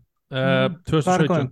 Já, shit, er, Þetta eru er það þá sem við keftum Svitzerland, hún er jafnkvæmum Svitzerland Já, þetta er uh, sex ár allavega á eitthvað, uh, tveir mánuður held ég. Já, Já, Nei, gefin út einmitt að of the Wild gefin út á Wii U og Switch einmitt. Já, Já. það Twilight og eins og Twilight Princess Nintendo Mm. var, ég held að tímbilið myndi gera sami Tears of the Kingdom bara með Switch Pro og eru þið það törgóður Já, ég hugsaði það líka á þessi tíma en það verður bara næst Það verður næst.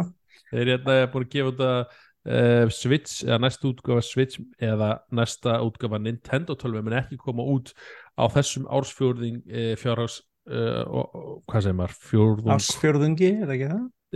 ekki fjórðungur því þá hérna Vanlega áram skipti fjör ára, er það ekki? Eða fjóra parta Já, allavega að kemur ekki mass, fyrir mass uh, 2024 þannig að við munum kannski sjá okkur við því, kannski munum við kynna eða hinta á velina í haustvetur það er er alveg komin tími á að maður finnur það þegar maður verið að spila Tears of the Kingdom að bara, ó, það væri nú næst svona aðeins betra hardware til að Já. smúða yfir svona Ég verð reyndar að segja bara Ég verð reyndar bara að segja þú veist að Jú, jú, því menna það kemur einstaklega sinni fyrir. Maður sér eitthvað svona, þú veist, einmitt hluti byrtast svona eða ef maður reyfist mjög hratt. Ég myndi segja á heildinu lítið er það samt ekki að Nei, nei, lita ekkert, leikin mikið, sko. Ekkert af því sem ég hef upplifað að spila neitt hefur nei, nei, hvað áhrif þrátt fyrir allt saman, þú veist. Og þú veist Mjög smúð þau, töluðu um það líka að þeir sitja á leiknum virkilega í ár og bara fínpúsan að vera að díla við okkur hluti en að leikunni hefur verið tilbúin síðslið ár en að maður finnur það einhvern veginn í leiknum en það, þú veist, að spila ekki hennan tíma, ég hef aldrei lendið einhverju major crash eða bug eða eitthvað, jú, ég er undir einu sinni í einu að eitt vélminni sig var hann að eðilega var fast inn í umhverfinu, tók mér smá tíma en að ná honum úr því ah, ok Ég þurfti að drepa komast áfram og hann var fastur inn í vegnum að einhverjum ástæðum og var alltaf svona að glitcha inn og út en ég meina hvernig gerist það ekki töluleika þú veist, Nákvæmlega. eitthvað svoleiðis en að það er bara þú veist, það er mjög auðvelt fix en En hvað finnst eitthvað svona almennt um leikin? Daniel, ég er alveg mest forvitin að veita hvað þú hefur að segja um já, já, hann er sérfræðingurinn Já, er Já, er þetta? já, ég hérna, þessi, byrjunarkablin er frekka langur og maður er svolítið svona, það er að segja, tutorial svæðið já, svona bera saman við hvernig byrjunum Já. í breathið mitt sko, þú veist. flókið bara, maður er svona þú greinlega átt að fara okkur staði en hérna, þú þú segir þú getur ráði, þú ert að fara held ég alltaf fjóra staði innu, bara svipað og í, í fyrirnum og leikurinn actually gerir á vissan hátt ráð fyrir hafi spilið Breath of the Wild þess að hann segir þér ekki vissa hluti. Þess að verður mitt pæla í hvernig þið gengi á konu þinnum Björk eins og hún er ekki spilað Breath. Eins og veist, ég var að hlusta á podcastið mitt um helgina og þá varum við að tala um, það að einn í smá vandræðum vegna þess að að hann hefði ekki spilað veist, og þá kunna hann ekki bara vissa basic hluti sem leikurinn kendi hefði staðið minna aðeins minna um handholding þú veist, á Sko, vissum við erum ekki lent í neinu vissinni, sko, ég er líka bara að teka það fram hérna með ákveðin skömmustu svipa ég hef ekki klárað Breath of the Wild En, Já, þú en, en, en, þú- en þú hérna, hefur ég, ég spilaði hann byrjunina, sko. þú- hann, já, hann náði ekki Já. að halda mér alveg alla leið og ekki, já og hérna og svo var hann líka á þeim tíma þar sem hann var svolítið að fara að pakka við út tölvunni einhvern veginn, en Mhm. hérna uh, en Svo- það hefur ekki verið neinn vandamál í sambandi við einhvern veginn að læra já, á og skilja Ég sko. var hvernig það er þið sko, svona, en það var einstingur sem einhver að tala um að hann hefði farið einhver leið og ekki rettaði með glætirinu strax vegna sem hann fattaði ekki að þetta gera það. en mjög finnst það interesting, ok þið fóru gegnum, sko, leikurinn byrjar á, út af, það er aðtækstu leikin að það eru þrjú svona þrjú planes, getur þess að þrjú sögursvið, það eru he sky, heiminin, Já. jörðin og neðar Já, akkurat og jörðin er svona mjög kunnulegt og þessi fólk sem spilaði Breath of the Wild ætti að vera verið kunnulegt, kannast vel við sig. Nýja umhverjum er þetta hinn tvö og þú byrjar þetta í hímininum, leikurinn gerist einhver x eftir Breath of the Wild svona, Mhm. já. Og síðan eftir smá tíma ferðu niður. Ég fór þetta, hvert fór þið fyrst eftir þið fór niður? bara, bara, ég fór bara beint niður. Já, já, ég veit það, en ég menna hvað, þú veist, þú voru búin að gera það sem voru að gera uppi og fór, enduðu sér niðri á jörðinni fyrstskipti, hvað gerðu þið fyrst? ég, Hvað, ég veist, hugsaði bara fyrst já, ég hugsaði fyrst bara, oh my god, oh my god, hvert ég á að fara? Hérna, Já, hvað er að gera, en fær- svo fór endaði ég á svona- bara þarna stað sem ég held að maður hafi átt að enda svolítið á, sem að var þarna einhver bær rétt hjá. Já, Já, já, ég er bara að pæla sko eins og þú farið til þetta quest og sem talar um þarna, já, ég verið þarna fjögur svæði og allt svo bla bla og ég fyndi, ég gerði ekki sömu röð og leikurinn sagði mér að gera þetta ég. já þú, nei, þú ert komin lengra Því ég byrjaði nefnilega á því að fara austur, síðan fór í Sóra, síðan fór í Snjósvæði, þarna til síðan já, fór ég í Eðmerkina. já að, það, það, það er hans sko, það er hans lengra komin niður af því að, já, fyrst fer maður í þetta miðjusvæði Já, já, þú það er fyrir alveg þú all, já, ég bara segi, en Já, sko síðan þegar leikurinn segir þarna, já, Já, af já, þessum fjórum svæðum hvert nei. fyrst ég en er, leikurinn er nefnilega, leikurinn er ítar í átt af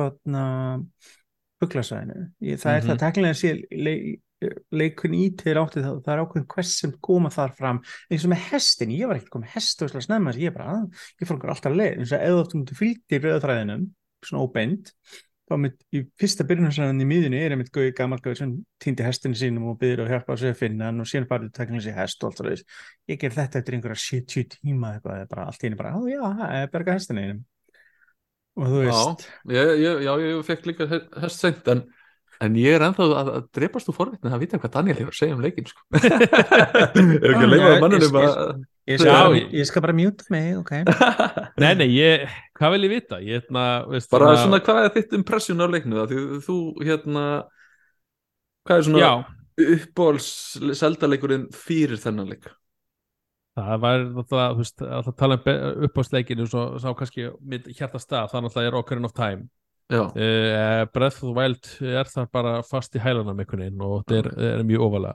Og hvernig finnst þér hann svona bara samanbóru við Breath of the Wild allavega. Mér finnst þann betri. Þessi, uh, þessi núna? Já, já, það já. er klærlega að sko þú ert hérna með hérna, veist, þetta er svona, þetta er svona fyrir, ég segi alltaf að þetta er Breath of the Wild 2 2.0 sem er þessi svo 2 nema hvað að, þú segi, þú ert að gera nákvæmlega svona, ekki nákvæmlega sum hlutina, þú veist, jú, það eru svona shrine sem eru svona þrautabútar í, í Breath of the Wild og þau eru aftur komin hérna í þessum. Uh, þú ert að já, sapna vopnum og það brotna vopn og, og, og, er þessi partar í leiknum. Uh, en það sem gerir þennan kannski mest frábrúðin uh, the Wild er að þú fær nýr tól. Það er að segja í Wild fegstu held ég fjögur eða fimm tæki eða tól. Það er að segja að þú gast hérna frist tíman þú gast svona fær, fært málmi úr stað svona bara höndu þú fyrst sprengjur og tvær tegundur sprengjur og fyrstu svona fristi kuppa þannig að gast svona látið ískuppa svona vaks úr hérna vaksa, það er að segja rísa upp úr vatni. Þannig að þá, þetta voru svona þrautar að þetta voru þín tól til að leysa þrautir. E, í þessu að segja, ég ætla kannski ekki að fara yfir alla hérna eiginleikana, það getur svona verið svona bara fyrir spilutur að að uppgöta uh, þarna ertu komið með svona, eins og segi sem búin að náttúrulega gefa þetta kynna í trailerum á það, þá ertu með svona hvað segir maður, uh, svona tilfæslu eiginleika, þar sem þú getur fært hluti. Ég heldur sem bara, þá er ekki endilega verið að binda sem málum, heldur bara alls konar hluti. Uh, þú ert með uh, heitir recall sem er bara, þú veist, þú færi hlutina aftur um tíma, það er að segja það er að segja, það kemur rúlandi bolti á móti þér, nota recall hann, þá rúlar boltin uh, veist, sumu öðlega, sem er algjör briljant hvernig þið lýsa þrautin þar. Svo Mm. ertu með hérna uh, það er að segja, vá. Þannig gegnum, gegnum uh, hérna, já, já, já, loftið þarna. Sem ég gleym alltaf að nota Já, ég líka. Maður notar það frekar sjaldan sko. Já, þetta er svona að þú getur farið bara beint upp og í gegnum loftið, það er að segja ákveðin fjarlæð þannig að Mm. þá kemstu hérna e, fólk verður bara að skoða í svona, þá kemst í gegnum loftið eða næstu í sama hvað þú ert og svona, mér skilst þetta hafi verið fítus til að byrja með, hafi verið svona debug fítus, þannig að framleitir þannig að festist í ykkur umhverju herri, ég ætla að nota þetta til að kosta upp. Og þannig að þau bara hugsa, herðu býtum við, þetta getur verið ykkur lausna á bara ykkur nýja eiginleika. Uh, Já, og byrju, ég var að tala um tilfærslu for, hana, svo er fer Fest á aftur vopnin tímann. og Já, það er svona, er, er, já, svo, já, já, þú getur fest hérna búið til eh, sameinað vopn núna, þú fær svona, færð svona meiri, svona, hvað segir maður, eiginleika eða, eða, eða hérna, já, það er að segja að þú getur búið sameinað vopn og gertu upplöri Uh, þau brotta samt fyrir vikið, það er bara svona spoiler. Nei, nei, nei. Ég er að það Eh, frekar fljótlega líka sko. Já, Oft. já, þetta er bara samanbreið þú veit, þetta er kannski mestu hausverkunin þegar fólk fílaði ekki break, breaking uh, systemið þar og ég bara, tveir félag minni vinnunni bara fannst það eh, allra leiðastu leikin og það er ennþá til staðar uh, eins og segi, svo náttúrulega leng, því lengur svo kemst í leikin þá fyrir betri vopn sem hann duga lengur og, og þá svona pyrrar það minna en það er samt alltaf til staðar þú svona, þú veist einhvern veginn og uh, eins og ég, þessi, bara þessi tól sem ég var að nefna veist, það ertu komið með bara einhverja nýja uppskrift á sama eða sama umhverjun einhvern veginn og, og, og bara býr til þrautir þannig að þrautinar og hugsunin og bakvið uh, hérna Tears of the Kingdom er allt öðru sem heldur að Breath of Wild að mörguleiti það verður frólægt að prófa Breath of Wild aftur ég, svona, ég hugsa að maður geti það ekki eða ég segi það ekki, maður geti það ekki en þannig að af því að sko líka þessi veröld þetta er náttúrulega er, þetta er svona, þetta er svo segjum bara Fortnite og Battle Royale þetta er svona að það er búið að breyta mappinu. Það er bara, veist, eins og eitthvað nýtt season. Þannig að það er bara að breyta helling og eins og Sveit sagði það er komin þrjár svona uh, hæðir einhvern, það er skýja borgir sem er svona meira svona þrautasvæði svo er það undirheimannir sem er svona bara dulufullt uh, svæði sem ég ætla ekki að vera að segja neitt en að hlustundu frá. Það er svona að vera að kanna það.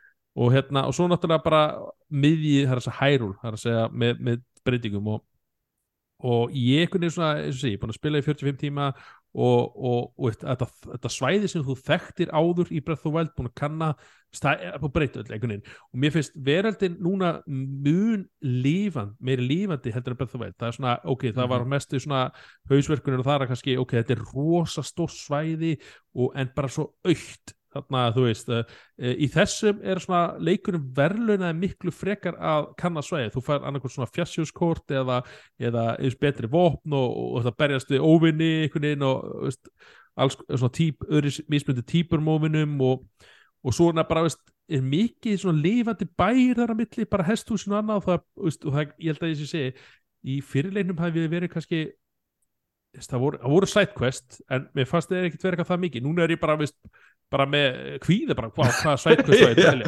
það er meiri, meiri saga bæði í hlýðadöminu og main sögunni en var í fyrsta regn það var helst, helst gallin handast mér. Ég man ekki eftir því að hafa spilað svona stóran leik sem að er svona þar sem ég finn bara svona hvaða það er, þú veist ég ætla að fara í aðalkvestið en ég, þetta vart í sidequest og leiðinni finn ég annan helli og inn í hellinum er ég komin þú veist, einhvert annað þannig að þetta eru bara svona layers of bara, veist, þetta er svona ATHT spilun einhvern veginn bara... það er rosalega auðvilt að vera sidetracked og bara gera eitthvað allt annað sko, bara, uh... en á skemmtilega nátt þú sér það, sér það ég spilaði Breath of Wild í 120 tím og það er leikurum plus DLC og eitthvað meira. Ég er að vera komin yfir það og ég á miklu mér eftir ennþá í þessu.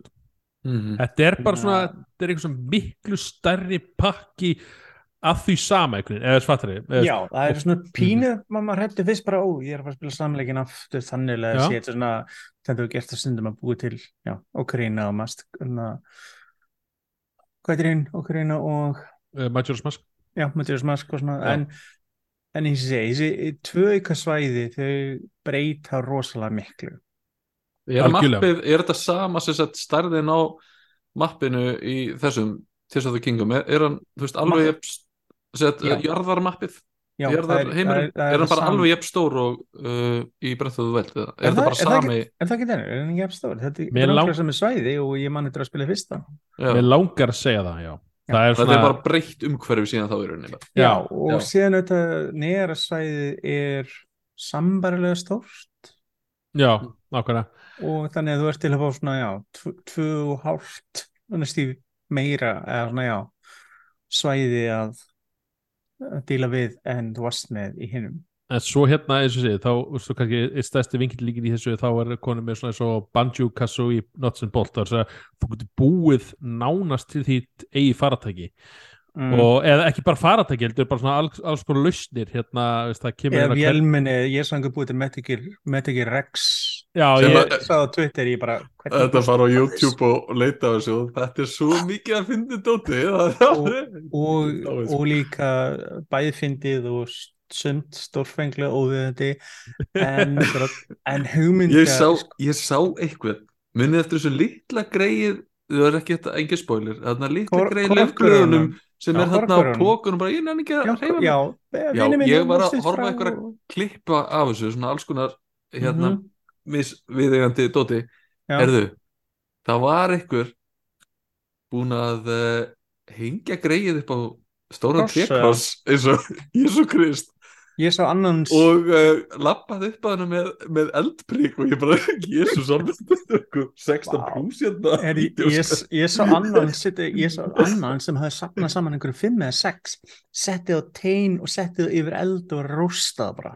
Jesús. maður bara, þú veist, maður bara ég minn og það sem, þú veist. Akkurat. Það er þetta ótrúð fólk er búin að strappa við gameflögur og allt saman og skjóta þeim upp í akkurat. kvipin og kvappin og félag með sendi mér ykkur myndaraka af þess að Korok Space Science þá var svona að vera þessi já, bara rock- Space Program en. Korok, já, já, búið að tengja við hérna. það er auðvitað hljóta að hafa en það, það skils mér að þetta er það sem voru að vinna síðasta ári bara að slípa þetta til en það, þetta er þetta ótrúlega hvað er þetta að gera, ég er ókslega hugmyndasnöður uh, planki, fjör hjól uh, Ja. uh, stýri búið á meðan aðrir eru búið til einhverja þóttur og maður er bara ákveð með hvað, hvernig farið það þessu? Já, líka bara eins og við þann einu eiginleikunum að segja að fara gegnum loftið og, og fara upp á hinum endanum. Mm uh, stundum gerir maður þetta í ykkur það er að segja í ykkur svæði. Og með líður þessu sé að tísa fattar þau, fara framhjá, ég held ég Mm. hafi með þess að gert það. Það var svona á þess að ætla mér að gera það? Ég fóð svona upp hérna bara, og, byrja á ég komast, og ég komin hingu upp einhvern veginn Já, Þú það, veist það, að- það er, ég bjóð til einhvern loftbelgu og með eitthvað svona sónadæmi sem skaut eldi en ég komast óksla hátt átti fullt af batteríum og ég bara fór bara lengst upp eitthvað meir en ég ætlaði og bara, já, maður hugsaði líka stundu þegar fó, maður fór í svona hérna, sræni eða eitthvað voru að leysa þrautir þá horfði maður bara einhvern veginn svona á uppfinninguna sína eða þú veist, samsetningur og var eitthvað þetta er pottit ekki það sem að þeir voru að Nei, hugsa það- það er- að það vera er lausnin en það ég komst yfir það, það var það skemmtilegast að nákvæða, þú veist, Já, þú býr til eitthvað allt annað, sko, ég var farin stærða sem Já. var eitthvað stíi, sem áttur að fara hægtur og laup og ég Já. eitthvað allt aðra leið og bara, þú veist, eða þú veist, síðan eins og- við erum að tala um Daniel um veist, sko, stundum gleymir maður sem er párana, þetta er eins og, þú veist, að geta að fara gegnum, veist, upp í gegnum Mhm. eitthvað, maður stundum gleymir hvað maður getur nota, ég hef stundum nota þetta bara upp, kíkt, sko, aðmjöli stýta niður aftur. Já, Ég- já, eða þú veist að nota tíman og spóla tilbaka. Fólk hefur gert ótrúlega hluti. Maður gleymir þessu stundum. Mhm, En leikurinn finnst mér allavega þú veist að fyrir svolítið eftir kannski hvað átt maður fyrir í og byrjar og svona. Mm. mm. mér finnst leikurinn vera mjög duglegur svona að vera svona hei, mannst ekki þú veist, að þú getur gert þetta? Þú veist, eins og þarft að fara í eitthvað turn eða þarft að leysa eitthvað lítið vandamál og þá svona, þá neyðistu til að nota eitthvað af þessu uh, hérna, powerum sko, sem er, mér finnst mjög gott sko. Þetta er svona eins og ég er rosalega gaman þessu en eitt hluti sem finnst pyrrandi sko, ég get lifað með þarna weapon breakage stótinu þó mér finnst það stundu pyrrandi ég að óska þess að væri eitthvað vopn sem getur fyndið setna með leiknum sem var ekki svona rosalega brótækt en mér finnst úslega gremmilegt, þú getur búið til faratæki, þú getur púsla saman sko hlutum en þú getur ekki slengt saman spýtu og fjöðurum og steina búið til örvar. Af Já. hverju er það ekki hægt? Ég meina þetta, er leikurinn um þetta sæður elementa, þú býð til hluti, þú býð til faratæki þú býð til mat, en þú getur ekki búið til örvar. Já. ekki eins og bara basic örvar. Ég er ekki að tala um einhverja super duper en basic. Ég Þannig að einhvern stund, stundu þegar ég var einhver starf, þú veist, á einhverju svæði, þú veist, ok, ég þarf að fara upp á kortið aftur, fór að hringa í öll þorpin og vesla.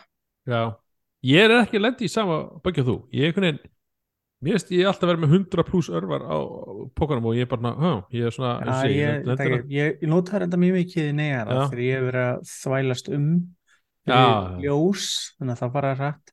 ég alveg lendi í mómentu þar sem maður hefur alveg hugsað það, þú veist, hér vantar mig að nota örvarnar en ég hef neyðst einhvern veginn til að Já, nota ég var að hins díla verðin og við- endanum virkar það en svo er lí, býður leikurinn líka rosa mikið upp á það bara svona, heyrðu, ég er bara ekki tilbúin í þetta verkefni þannig að ég ætla að flýja og ég ætla að undirbúða mig betur Já, sko. ég var að lendi í vandamál með eitt fljúandi óvinn, síðanst að Mhm. díla við, sem var svona miniboss, og það var klálega ætlaðist til að nota örvar á hann. Ég var ekki með neina örvar. Já, ok Þannig að ég var bara í vondum málum, ég bara hvernig á ég að díla við hann án þess. Það sem hann var miklu herra en ég og það var engilegur að vilja komast þess að þetta var svona pínu frustrerandi partur eins og þegar þú varst komið Já. að vera ekkert mál sko.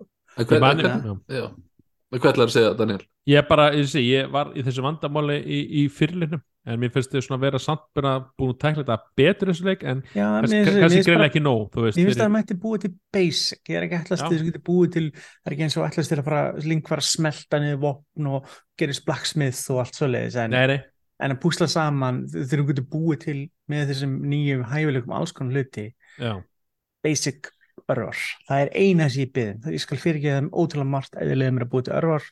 Þá erum við bestu vinnir sem ég á.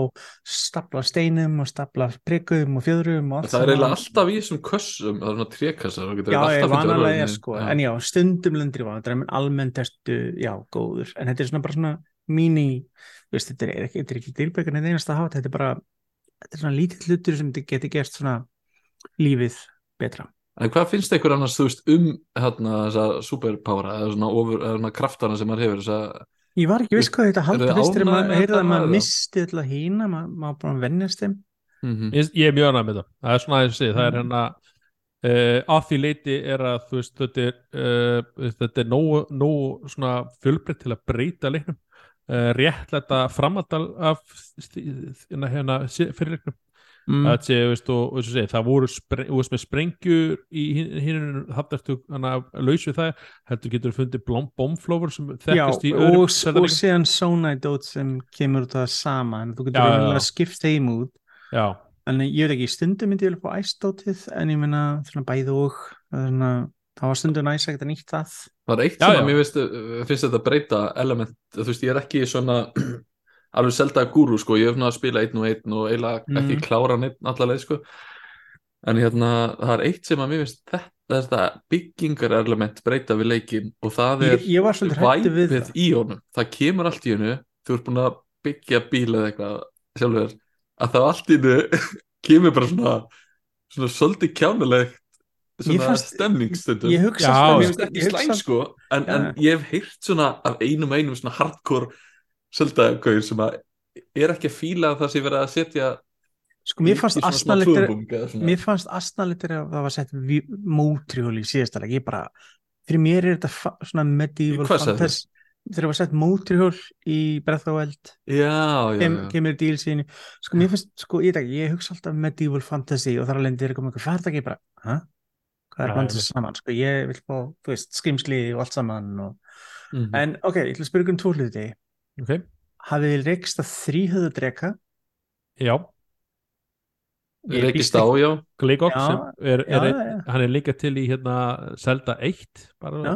perfekt. Já, já, mér er að maður þessi vídeo, en já, ég hef ekki lagt í, ég pröfaði einu sinni og það var sáskaföld um, en um, já, hafið þið hitt gaurinn sem er alltaf með þarna, vegvísana sem er í vandræð með?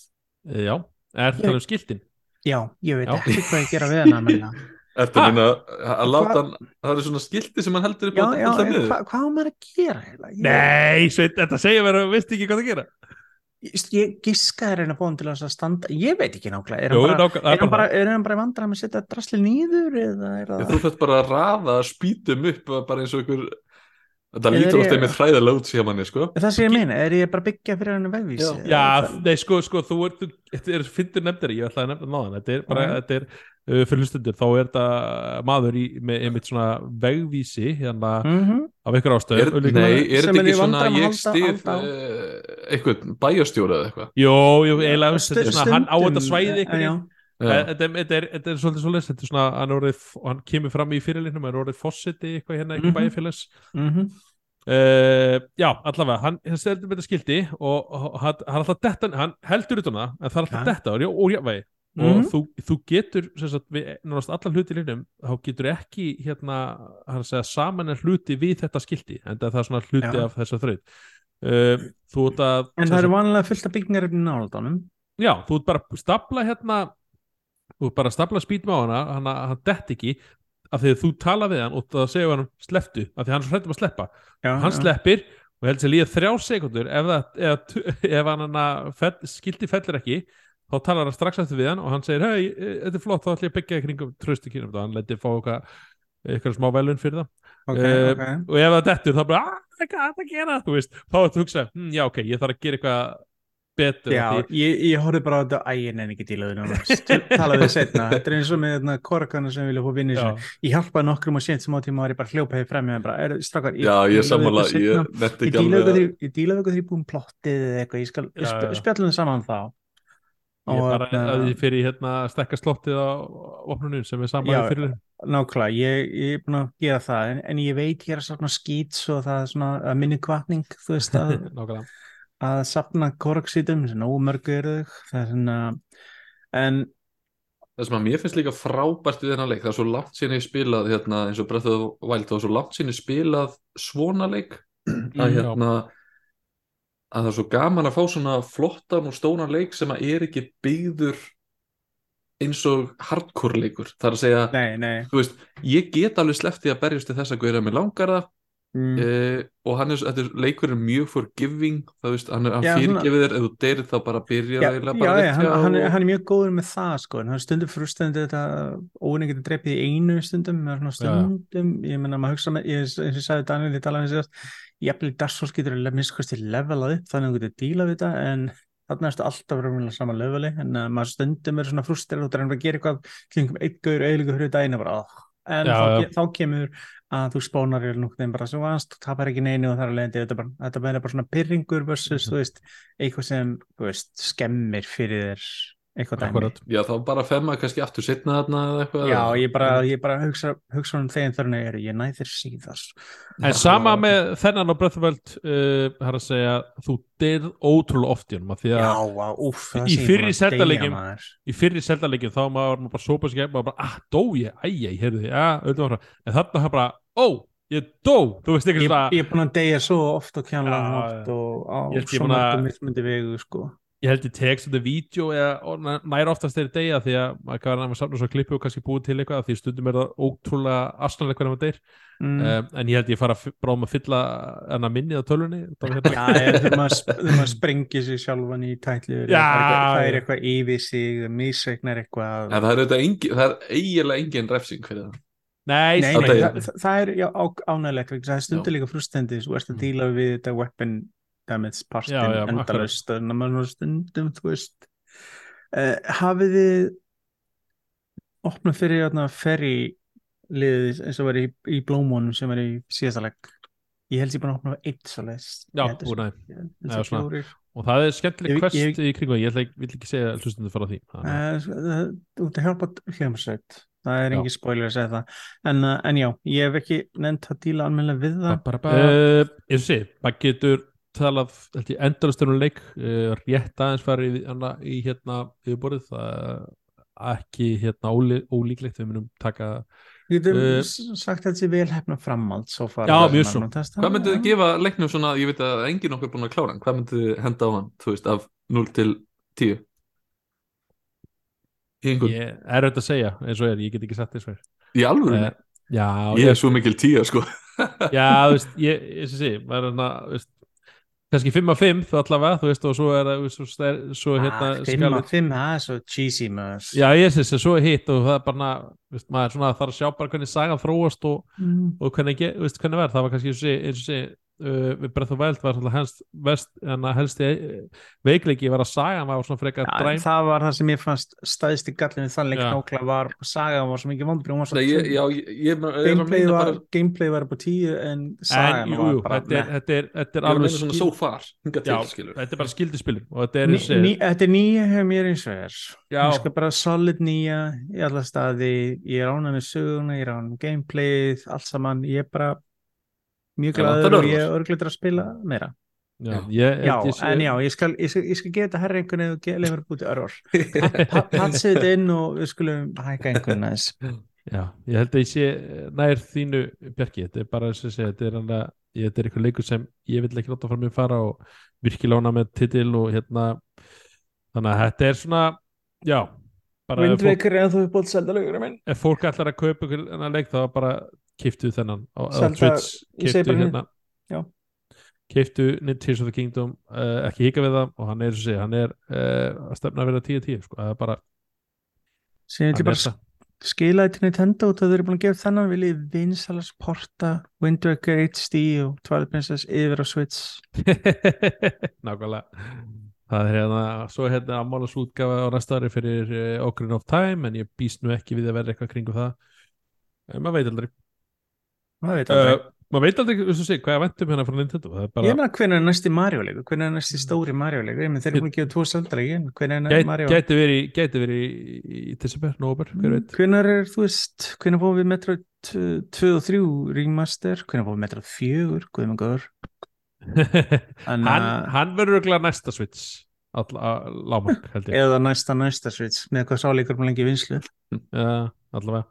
Uh, Já, ég held að sé ekki eitthvað að segja flirra um, um þetta uh, mm, Við verum vonandi búin með hann í næsta þætti mögulega. Mögulega. Þú Mögulega. voru ekki búið með að tvísværa þegar svo Já. ah, Nei, ég verði þá bara sama segi við að bara eldastuð einhver æfintýri grunum mér. Já, já, nákvæmlega. Uh, Já, uh, er það ekki bara? Ég held að bara uh, ljúkum sér þetta í þessum orðum að hérna uh, Hvernig við segja, við hérna hlökkum bara til að spila meira selda og hérna og, já, og bara hvað sem er framöndan er þannig að er komin nú svona, svona sumar hérna svona útgáfur þannig að það er, jú Mm.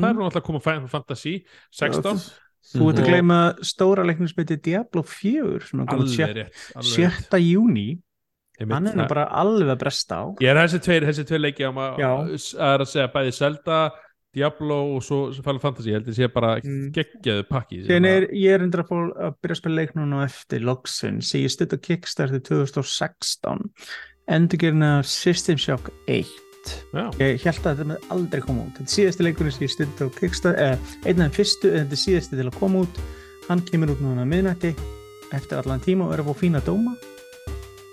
Og þið bara Nákvæmlega. myndir taka System Shock 2 þá verið ég hemmingsamur akkurat uh, Er það ekki bara stakar? Er Jú, bara ég það. segi bara takk fyrir okkur og sjáumst vonandi ekki á langt Heyrumst vonandi fyrr en síðar, já.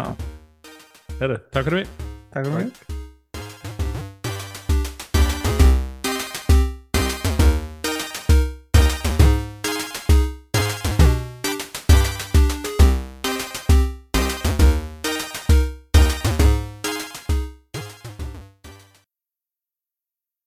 ba, ba, ba.